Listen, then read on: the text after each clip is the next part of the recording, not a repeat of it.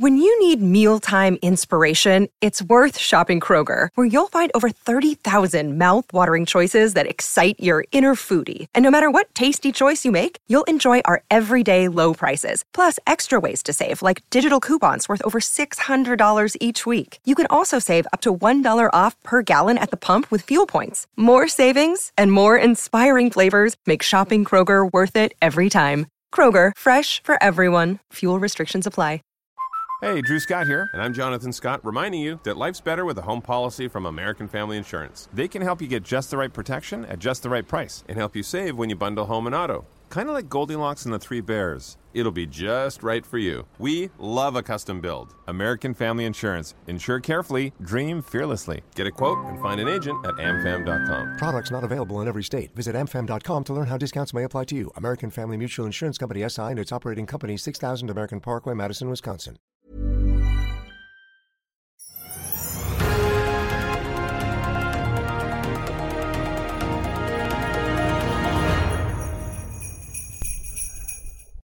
Gledelig jul og velkommen til nok en julesending her i FA-TV. I denne episoden blir det snakk om det som så fint heter ESG, altså klima, bærekraft og ansvarlighet. For er det noe som har vært og er i vinden, så er det nettopp det. Men hvorfor har så mange av disse grønne vekst- og ESG-selskapene slitt sånn på børsen i år?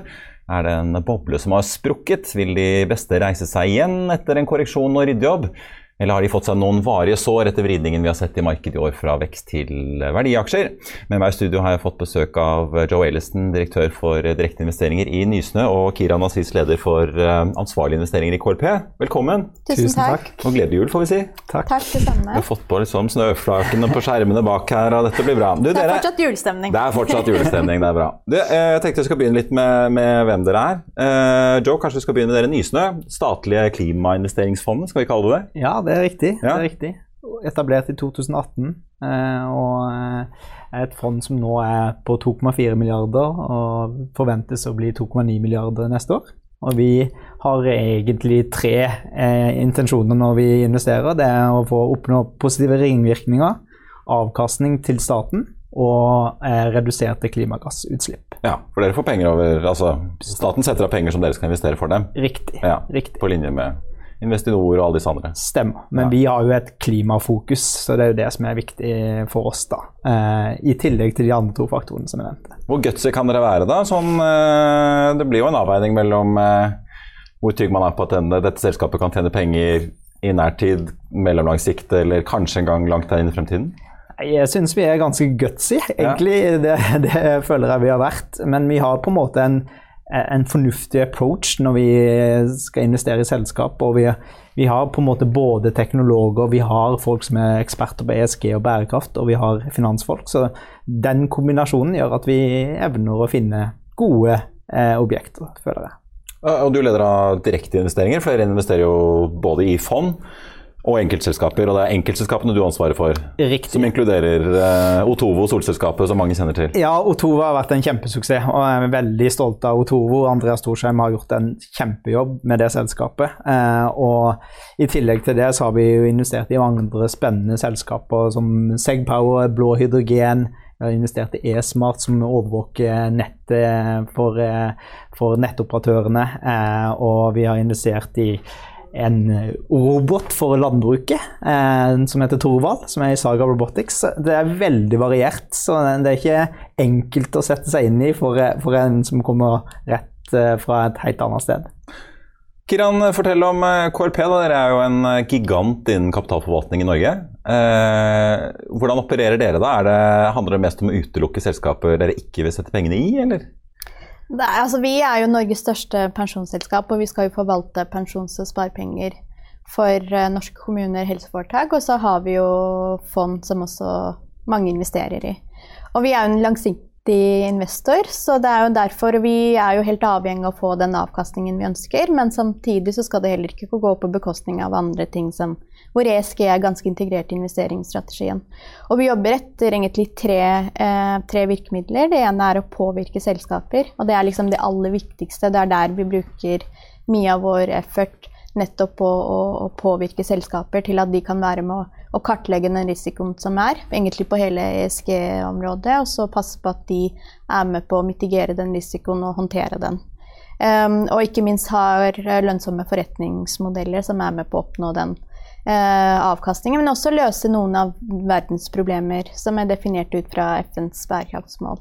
Men det er litt som oljefondet. Du skal luke ut de verste og så prøve å påvirke resten? Ja, og eksklusjon Marius, er egentlig et siste alternativ. Eh, og det er ofte litt mer for at ønsker vi å sende et signal at vi ikke ønsker å være med i de næringene. Vi, var, vi et av, altså var et av verdens største pensjonsselskaper til å fase ut kull allerede i 2014 og oljesand. Så det er noen næringer vi har sagt at vi ikke ønsker å være med fordi, fordi at de ikke er i tråd med Parisavtalen, som er liksom den juridiske forpliktelsen som ligger der. Men eksklusjon er absolutt en mulighet, men det er, det er en ganske høy terskel før vi ekskluderer. Og så er vi veldig åpne om hvorfor vi ekskluderer, og da offentliggjør vi en, en, begrunnelse. Så vi er en passiv investor, investert i over 7000 selskaper globalt i over 70 land, men likevel en aktiv investor som ønsker å bruke den påvirkningsmuligheten vi har som eier til å, til å, passe på at selskapene adresserer. Ja, Det er mye å styre på, men uh, hvilken kapasitet har dere som en så stor kapitalforvalter med så mange selskaper? da? til å gå inn og finne liksom, gode grønne caser som kan være en, en skikkelig vekstrakett og bli en suksess? Det, må dere overlate det til andre eller spesialistfond og heller da investere i den type fond, eller kan dere gå inn enkeltvis når dere er så store? Vi er jo eh, primært altså, Norges ledende indeksleverandør, eh, kan jeg si. Så det er jo indeks som er vårt hovedprodukt. Men vi har jo ganske flinke forvaltere hos oss som følger i hvert fall det norske markedet eh, veldig, veldig tett. Og vi er jo klart opptatt av å finne gode forretningsmodeller og selskaper som, som, har det langsiktige perspektivet, og vi vet at det er liksom, god struktur, eh, og det er forankret i forretningsmodellen. Så det er jo en ganske sånn, det er jo en jobb vi gjør gjennom egentlig hele veien å passe på for at vi får den avkastningen. Så vi er jo avhengig av at selskapene har disse gode forretningsmodeller. Ikke driver veldedighet, men driver butikk. Eh, men jeg må høre med dere, da. Hva, hvordan reflekterer dere over som har gått? da? Vi har sett eh, altså Det er jo mange selskaper. En, en, av de kjente er jo Scatec, store sol- og vannkraftselskapet. Mm. Eh, aksjekursen er liksom halvert siden januar. Men det er jo mange andre selskaper innenfor eh, Vi har både vekstselskaper, tech-selskaper. Og ikke minst en del sånn grønne aksjer som var veldig hypet i, i fjor, som vi har sett nådde en topp rundt sånn januar-februar, og så har det gått én vei, og det er nedover. Ja. Hva skyldes det? Nei, det er vel eh, et ord som er blitt mer og mer kjent med stagflasjon. Altså det, man, man, er jo litt redd for at man får en stagnerende økonomi, og at det blir inflaterte priser. Og den kombinasjonen er jo ikke bra for forvaltere. Um, så da rømmer man jo fort unna de aksjene som er litt mer langsiktige, og går til kortsiktige dividendeaksjer. Så det er jo den, den dynamikken vi har sett på børs. Uh, og så reflekterer vel litt over at um, den hypen som er bygget opp for grønne aksjer, er jo bygga på at det er kanskje det er litt få selskaper som liksom kvalifiserer som grønne. Så det er en scarcity av, av den type muligheter, og, og da får du oppsvinger eh, når det er mye kapital, og så, og så blir det en, en, en liten flukt fra, fra, den sektoren som man har sett på børs. Eh, den samme dynamikken ser man ikke fullt så i, i privatmarkedet, hvor man da har langsiktige investorer som kan sitte lenger og være tålmodige. Og ha litt andre kalkyler. Ja. Hvordan tenker, ja, dere, hvordan tenker, dere over det i KLP, da, når dere har sett det der? For det er ganske store utslag vi har sett, hvis man ser litt over tid nå? Ja, jo, vi har jo sett, altså, det er åpenbart at det har vært veldig mye kapital inn i grønne Uh, investeringer og aksjer. Og det er jo kanskje at det er litt mye fremtidig optimisme i forhold til når det gjelder inntjening. Um, så jeg tenker, det er jo liksom, Men samtidig så jeg tenker at det er noen trender som kommer til å vedvare. og Det er å prøve å plukke liksom, hvilke selskaper er som kan bli ordentlig gode. Det er jo det vi skal prøve å finne. Uh, men, men, det er klart at det er, jo, liksom, det er, jo, viktig å ha med et langsiktig perspektiv, for det er jo det som er viktig for, for KLP. Så vi er jo en av de eierne som ser på ikke nødvendigvis de neste tre årene, men hvordan stiller det seg de neste 10-20 årene. Ja, i hvert fall når man tenker på aksjoner. Men Joe, du har jobbet i Pareto. så Er, dette liksom, er det en klassisk korreksjon, en boble? Det, det, har egentlig kanskje ikke så mye med at det er grønt å gjøre? Ja, jeg tror du har helt rett i det. Altså, fra 2006 til 2011 så var det jo en, en, også en grønn bølge den gang, som på en måte Rekkeaksjen var blant annet en av de store riktig. hypene. Ja. Jeg tror det var pøst inn 25 milliarder dollar nesten inn i den næringen i 2006 til 2011. Halvparten av det ble, ble tapt, men, men da investerte man i batteri, man investerte i solceller og eh, biobrensel. Og mye av de teknologiene ser man jo utvikle seg i dag, så det er ikke sånn at du, du går helt tapt bare pga. at man eh, altså hadde markedet ikke var klart den gangen. Da kom jo kineserne og rampa opp produksjonen sin og var mye mer konkurransedyktige på tradisjonelle solceller. Så da, da, da, da Det man ser, er jo at markedet modnes. Og, Så Otovo kommet til eh, etter det igjen, Ikke sant? solcellene ble så billige. ja, og, og Otovo har jo på en måte muliggjort det å installere eh, solceller på taket sitt, og det er jo fantastisk. Eh, jeg syns at de digitale forretningsmodellene som Norge har begynt å bli mye bedre på, er kjempebra. Ikke sant? Fordi det er ikke noe Norge tradisjonelt sett har vært bra på. Det har vært olje og gass og, og fiske sant, som man har vært bra på, men nå klarer man å utvikle digitale forretningsmodeller. Du ser Tibber f.eks. Kjempeselskap som på en måte lager en ny forretningsmodell. De har ikke noe egen infrastruktur eller noe nybrottsarbeid eller noe særskilt teknologi. Det er bare en fiffig app, ja. f- f- God forretningsmodell. Litt mer, da. Vi skal, vi skal skryte til, eh, til bryggeriet. Men, eh, men er, det, er, det liksom, det tech-boblen eh, som vi så på rundt år 2000 vi ser, liksom? Altså det er noen, jeg tenker, Du har jo vært inne på det, Jo. Det er jo noen overføringsverdi til det. Men jeg tenker det var jo noen teknologitemaer som investorene holdt ved, som egentlig gjør at vi har noen av de største tech-selskapene. Så det er jo, altså det har kommet, Grønne aksjer har jo kommet for å bli, men igjen, det er jo prøve å finne liksom de gode selskapene. Eh, og så tror jeg at det kommer til å bli en sånn selektering etter hvert. At man er litt sånn at prøver seg litt frem, og så ser man hva er det som, eh, hva er det som kommer til å bli på en måte de store selskapene nå fremover. Ser dere noen sånne klare, Hvis vi ser liksom inn i det nye året, da, ser dere noen sånne klare trender? Er det noen teknologier eller løsninger som utpeker seg som eh, ja, kanskje Vinnere er jo litt sånn enkelt ord, da. Men, men eh, ikke sant? vi ser jo bare i år Aker Carbon Capture har jo gått milevis bedre enn mange andre. Så er det mange eksempler, selvfølgelig, men, men liksom, det er åpenbart skiller i sektoren her. Ser dere noen sånne klare selskaper eller løsninger som har mer eh, feste og traction enn andre? Fornybar energi er, eh, er selvfølgelig eh, jeg tenker en viktig sektor nå fremover. Spesielt når vi skal ha den, den transformasjonen fra, til energiomstillingen.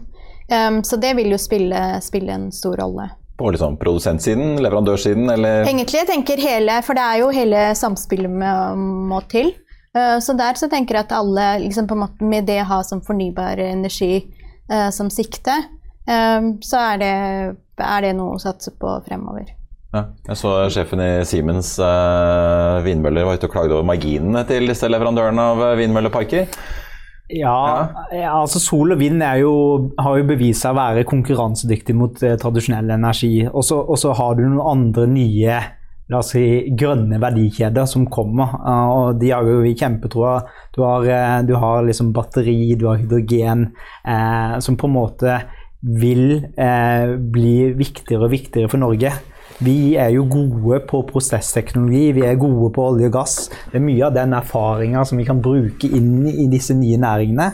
Og, og der er det liksom god, bra med en langsiktig investor som kan liksom eh, gi dem den kapitalen som trengs. Jeg tror eh, Jeg leste meg litt opp på før her. og nett, For å nå netto null så må man eh, investere 4000 milliarder dollar. Eller 4 billioner, da. Eh, og det er ganske mye eh, kapital som trengs for å liksom nå den netto nullen. da. Du må flytte en del av de pengene Kiran sitter på i KLP. eh, skal det skje nå. Men det var litt, altså Yngve Skjengstad var jo her eh, rett før jul. Han skal jo lede Akers nye satsing, og mange sperret jo opp øynene da de begynte å snakke om det. Vi skal, målet vårt er å få inn 100 milliarder euro. Altså Da er de større enn DNB, de er større enn EQT.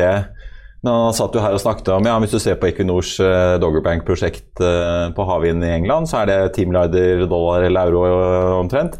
Så ti sånne, da har du liksom fondet, da. Ja. Og Det setter jo kanskje litt i perspektiv. Det gjør det. og Altså hvor mye vanvittig mye penger som egentlig må inn. da. Og det er, det, og det er jo det at det er flere og flere selskaper som har sagt at de skal være alignment med, med Parisavtalen. Det er flere land. Så det er jo, EU legger opp til det gjennom den lovgivningen som kommer. Og vi vet at vi skal dit, og da må vi jo egentlig både kapital selv, Alle bidra til at vi kommer dit. Og kapital er jo viktig, en viktig faktor. Men ligger disse, liksom du snakker om batteri, hydrogen, en del av disse hva skal vi si, nye verdikjedene som kommer etter eh, havvind eller vindkraft og sol, da? Eh, kanskje er de Nei, eh, det, det er veldig viktig er de, er de mer risikabelt, eller hvordan?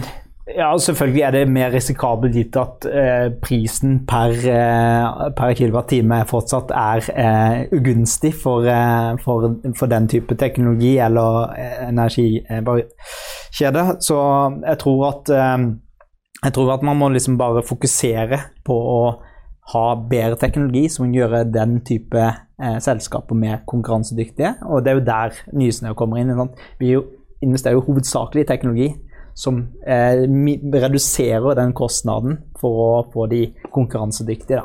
Eh, og batterikjeden er jo i seg selv eh, konkurransedyktig, men, men, det er fortsatt mange eh, batterifabrikker som må som etableres. Mm. Men et eksempel jeg kan også gi, Marius, er at vi snakker om at den kapitalen må over til, eh, til veldig mange av de eh, selskapene som klarer å håndtere det klim, klimarisiko. Og KLP har nylig vedtatt veikart mot, eh, mot, Paris. Og der så er en av de tingene, altså Det er to viktige elementer der. Det ene er at vi skal årlig for, altså investere 6 milliarder kroner i fornybar energi og grønne aksjer. Det er det ene. Og det andre er at vi skal være med å påvirke selskaper. Så her er det jo her, 6 milliarder? Ja, 6 milliarder. Så det her er jo på en måte Det, det ble jo en dropp i havet, gjør det ikke det? Altså Dere ja, snakker om tusenvis av milliarder. 6 milliarder i året. Men nei, men jeg tror det er noe med at det er, jo, det er jo for å vise den satsingen og vi er allerede 46% alignment med, med, Paris. Men, så det er jo det at selvfølgelig du skal kapitalen må dit, men man, jo, man, vil jo gjerne ha trygghet på om det er her noe å satse på. Så jeg tror det er det at man prøver å liksom stresstester disse forretningsmodellene. I'll see you in court. Vi sier det ofte litt på spøk, men for deg som driver business, er det aldri moro å innse at du ikke har laget en 100 gyldig kontrakt. Du bør ikke risikere hele firmaet ditt fordi du synes dette med kontrakter er litt stress. En avtale er ikke en avtale. Du kan miste kunder, miste venner, ja, til og med miste inntekter om du ikke lager en skikkelig kontrakt, på alt mulig, egentlig. Men vi vet det er et styr, kopimaskiner, tregprinter og haugevis av papir. Dessuten stoler vi jo på folk her i landet. Det er ofte litt kleint å skulle be om en signatur for alt mulig, ja, for mye av styret handler også om jakten på underskriften. Det finnes en enkel måte å løse dette på, Dukkobit, en trygg, effektiv og get this, gratis måte å sikre seg en god natts søvn pluss en juridisk bindende avtale. Dukkobit-appen har de strengeste sikkerhetskrav i bunn, samt en EU-godkjent og sertifisert teknologi. Framover vil det bli behagelig å spørre du, skal vi skrive under på det, eller? Kom i gang på dukkobit.no. Men uh, jeg har hørt mange som har snakket om og Vi ser jo Freyr for eksempel, skal bygge batterifabrikk i Norge. De er jo notert i USA. Ja. Uh, men det er jo ikke veldig lenge siden nå uh, Equinor og Panasonic og Hydro sa at nei, vi har lagt batteriprosjektet vårt ikke bare i Norge, men altså de vurderte jo hele Europa. Vi har lagt det på is. Ja. Hva sier det oss egentlig? Er det, det, er kanskje litt lettere sagt enn gjort å få til disse store investeringene og oppbyggingene? Ja, det, man, man, må på en måte ha rammevilkår som på en måte legger til rette for at disse næringene skal lykkes. Altså Hvis de tre store her ikke klarer det, liksom, hvem skal gjøre det da? Ja. Det, det, er et, et veldig godt spørsmål, og det er mye kapital som skal til. Som, men, men, samtidig så må man jo man må jo stole på at Equinor og Hydro og Panasonic vet hva de driver med når de faktisk legger ned den type satsinger. Eh, så, men, jeg, men, jeg, tror eh, du har et godt poeng. Det, det er mye kapital som skal til for, for å lykkes. Og, og, men det som på en måte jeg mener hjelper, er jo at eh, det er jo faktisk veldig mange selskap som nå har gått ut offentlig og sagt vi skal nå netto null. All vår omsetning skal være eh, nullutslipp. Og når du har den drahjelpen, så vet du at også investorene kommer etter. Sant? Fordi hvis selskapene går foran, så kommer in eh, investorene bak. Ja, Har man noe annet valg nå, så kan man altså, ikke det, si at man skal være i nullutslipp i 2050? Nei, jeg tror det er at hvis man ønsker å ha en bærekraftig verden, og vi vet at alle er avhengige av å bidra og Det er jo ikke bare selskaper, det er jo flere investorer som også har satt de målene. Eh, og vi vet at man er avhengig av eh, hverandre. Så altså, den forpliktelsen ligger der. Og det tror jeg at vi er bare avhengig av å, for å få det til. Eh, og så er det jo, når vi først er inne på ESG, så er det litt viktig å huske på at ESG er ikke bare klima, men ESG er så mye mer enn det. Og det er jo den helheten. Nå har vi, liksom, nå har vi muligheten til å gjøre noe med det. Og det er jo å passe på at man er, passe på at det er liksom en sammenheng mellom ESG hele veien i disse forretningsmodellene. Ja, det er jo resten av på en måte Ja. sosial bærekraft. Sosial og, I hvert fall når man ser og energikrisen i Europa, liksom, og og folk sitter og her. fryser. Så Så, ja. det, her, eh, det er viktig at det er en sammenheng der. Altså, du må også passe på altså, eh, Vindkraft, eh, er det på bekostning av naturmangfold? Hvilke hensyn er det som må ivaretas? Eh, produseres de f.eks. der det kan være risiko for menneskerettighetsbrudd? Så, så du må tenke, tenke ESG ganske sånn integrert i hele forretningsmodellen. Men kan det komme litt i bakspeilet når alle er veldig opptatt av antall tonn CO2, og det er veldig lett å måle, eller enklere å måle i hvert fall, enn naturmangfold og arbeidstakerrettigheter og alt dette andre? Altså Kommer det fort litt sånn i skyggen? Fordi Hvis alle er så veldig opptatt av klimagassutslippene? Det er jo veldig mange investorer som er, som er investorer som KLP, som er opptatt av, eh, av å påpeke de tingene. Um, så jeg tror investorer og selskaper også erkjenner etter hvert at det er, det er viktig at du kan ikke bare utelukke fokusere på et, en del av eh, ESG. Um, så det er jo større bevissthet, det stilles flere krav. Er, liksom, nå kommer, behandles eh, loven om bærekraftig finans, den ligger til behandling i, i Stortinget. Uh, så den vil jo pålegge rapporteringslag på investorene, men også det at du som selskap må definere om du har en bærekraftig uh, aktivitet. Så, og der ligger det en forutsetning at du skal respektere menneskerettigheter. Men Kommer det av altså EUs uh, taksonomilovverk at Norge bare tilpasser seg, rett og slett? eller? Ja, Norge skal jo, det er jo det vi gjør, det er jo det vi gjør gjennom den loven om bærekraftig finans. Både taksonomiforordningen og den um, um, SFDR Mm. um, som kommer. Og så er det det at vi har vedtatt åpenhetsloven, som også trer i kraft neste år fra 1.7.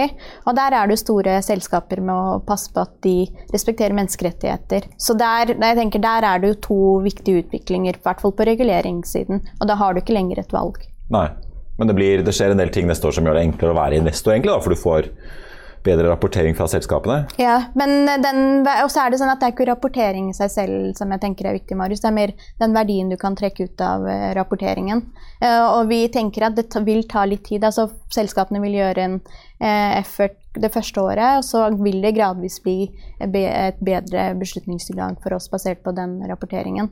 Men du var jo inne på det med naturmangfold. Jeg tenker Det er jo det at det er jo forhandlinger i Kina nå på, på å få til en avtale tilsvarende som for eh, Paris på naturmangfold. Og vi vet at det henger også veldig, eh, veldig tett sammen med klimarisiko.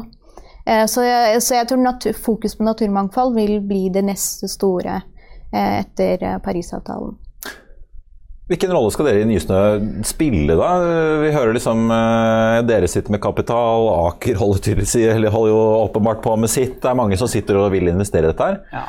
Skal dere være, liksom, finne de selskapene som ikke får så mye oppmerksomhet? Skal dere være liksom, litt sånn et slags sånn eh, godkjentstempel for andre ved at oh, her statlige Nysnø går inn her, eller? Ja, det, der har du et godt poeng. Altså, vi er statens klimainvesteringsfond, og da må vi på en måte legge til rette for at vi investerer og innfører en grad av profesjonalitet som på en måte eh, gjør at selskapet er eh, rusta for framtida, og kanskje for eh, en KLP som en investor i framtida. Så liksom, det å modne selskap til å bli eh, profesjonelle nok til å liksom, gå ut og hente eh, være på børs osv. Det er litt av vår oppgave. og Vi investerer jo aldri bare oss, vi investerer alltid sammen med noen. Så for hver krone vi har investert, så har vi trigga fire kroner fra andre private investorer. Så vi, vi er jo på en måte der for å sette en standard, og, og jeg syns det er veldig bra at Kiran også em, har fokus på det S-en og G-en. For det, det ser vi òg, at det er veldig mye fokus på miljø, og så glemmer man S-en og G-en. Men der har vi allerede vært liksom vurdert noen investeringer, så måtte vi legge de bort fordi at det er ting i DD-en som man finner. Altså, de er klimavennlige, men de er ikke ja, det, er- det er ting, iallfall forhold som vi måtte bare Vi, vi kunne ikke akseptere. Ja. Og- Men er det markeder? Nei, det er selskaper som på en måte bare ikke har eh, opptrådt på den måten som vi aksepterer. Så det, det er sånn det er. norske. Det skal, skal ikke Vi måtte prøve. ikke sant? Vi har jo mange norske selskap med eksponering mot krevende markeder, så det er absolutt en aktuell problemstilling. Det er det. Det fins jo en teleoperatør som sliter nede i Asia om dagen, så vi, vi kjenner til det. Um, Tror dere liksom møtet i Glasgow vil endre mye, da? Altså, vi har jo liksom, Veldig mange bedrifter er jo ute og sier ja, vi skal følge opp Paris. Liksom du sa, KLP skal følge opp Paris. Har lagt et veikart. men Vi ser mange av de store energiselskapene gjør det samme. Blir det noen endring etter Glasgow, eller er det egentlig bare liksom en videreføring?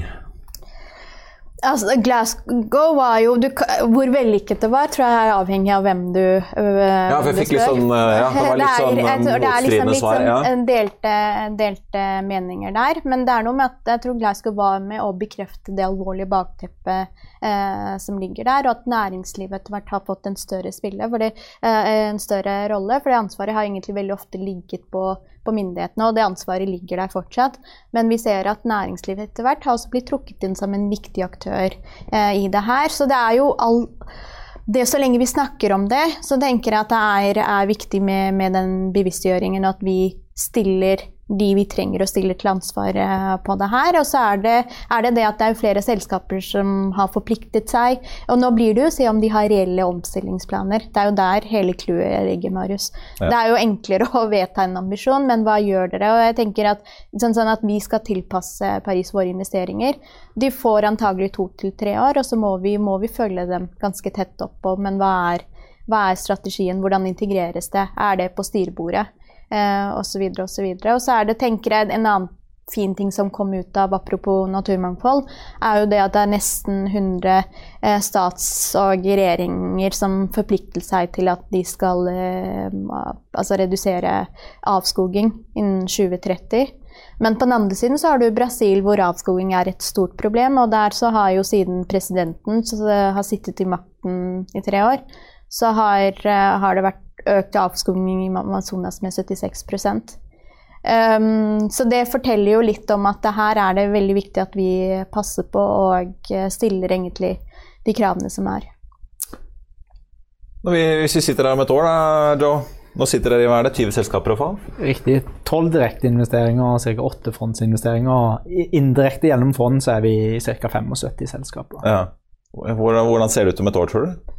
Nei, det, Vi håper jo at det blir flere selskaper, og at de har modna seg ytterligere. Og at de har tatt eh, liksom, det konseptet fra å være en teknologileverandør til å begynne å bli litt mer lønnsomme. Så, så vi har jo på en måte en rekke selskaper, noen er veldig tidlig fase, så de skal f.eks. sette opp en fabrikk eller noe sånt, og da, da må man vente liksom, til de får spaden i jorda og, og, og begynne å sette det opp. Og så har vi selskap som er har omsetning, men kanskje ikke har nådd lønnsomhet ennå, fordi de må, ha, eh, de må ha litt mer eh, skala for, for å nå lønnsomhet. Så vi håper jo at det liksom beveger seg i riktig retning, men så er det liksom det med å være tålmodig, da. Eh, for vi, vi er jo her for å være tålmodige. Og så stiller vi krav til selskapene at eh, det, det, det er ting de må faktisk oppnå da, i den eh, eierskapsperioden. Men begrenser dere, altså begrenser det dere veldig at dere sitter med snaue 3 og ikke snaue 30 milliarder, som dere har fått disp av Stortinget? Selvfølgelig, når vi snakker om de store tallene som, som du nevnte i stad, så er det jo behov for mer kapital for å liksom være med på alle typer prosjekter. Eh, så så eh, på, på noen måter så er det jo selvfølgelig kapital begrensende for oss. Ja. Du, eh, til slutt så tenkte jeg egentlig bare liksom er det, Jeg spurte litt om det i sted. Vi, vi snakket liksom om fornybar energi, batterihydrogen, kanskje nye verdikjeder. Men eh, er det noe vi liksom ikke holder på med i Norge som, som vokser veldig mye ute nå? Ja, det, det, det, det, er et utrolig For det er jo veldig mye diskusjon om det som hva kan vi i Norge? skal vi liksom, og nå, ja, og, og, og det, der er litt sånn Syns det er kjempebra at vi investerte i fond som også har utenlandseksponering. Fordi det å bygge kapitalbroer, liksom det å kunne få kunnskap fra et eh, fond i Canada, eh, som Arctan, som er ene fondet vi har investert i, liksom få den innsikten som de har, eh, eventuelt liksom batterieksperter i, som Energy Impact Partner, som vi har investert i, eh, som på en måte få den kunnskapen hit til Norge, og så se om det er konkurransedyktig det vi driver på med. Det er jo et enormt verdifullt. da. Ja. Så, så, men, men vi hører om all slags mulig type teknologier som er i anmarsj, med alt fra fusjonsteknologi til, til det å få solceller oppe i verdensrommet. Eh, Det, det, det er mange ting som ikke jeg var klar over at, eh, at Det kunne, kunne vært et filmmanus. Ja. som, som, som på en måte beveger seg. og Det, det er jo noe artige med denne jobben. At du liksom bare du får innsikt i en hel rekke ting som på en måte vil være med å påvirke verden. Til slutt, Hva tror du skjer på alle disse grønne selskapene vi har på børsen? Blir det en stor opprydning og oppkjøp og fusjoner, eller hva, hva tror du vil skje da? Det var jo liksom Etter IT-boblen så var det jo Google og Apple og en del store som liksom reiste seg og ble ordentlig svære giganter i verden på sikt. Er det det samme vi vil se? At det er liksom noen få som reiser seg og andre forsvinner? og At det er liksom opprydning? Ja, det er selvfølgelig vanskelig. Vi håper jo at det går bra med alle selskapene som er på børs. Men, men, men, jeg har jo sett noen nyhetsartikler om at det er et stort kapitalbehov blant de selskapene som har gått på Euronex bl.a., og at det er ganske mye.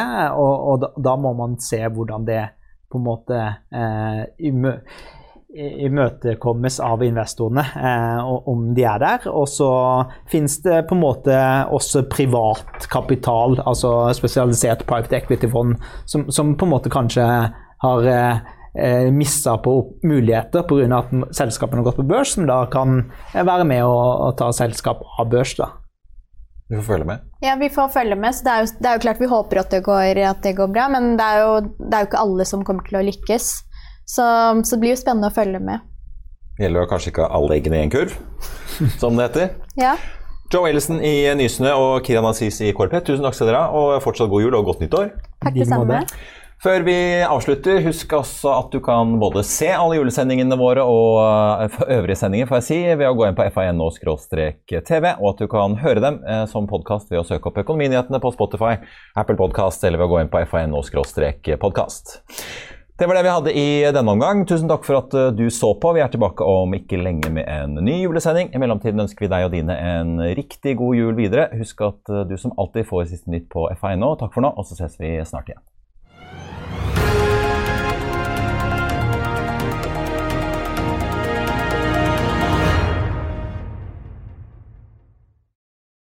Økonominyhetene er en podkast fra Finansavisen. Programledere er Marius Lorentzen, Stein Ove Haugen og Benedikte Storm Bamvik. Produsenter er Lars Brenden Skram og Bashar Johar. Og ansvarlig redaktør er Trygve Hegnar.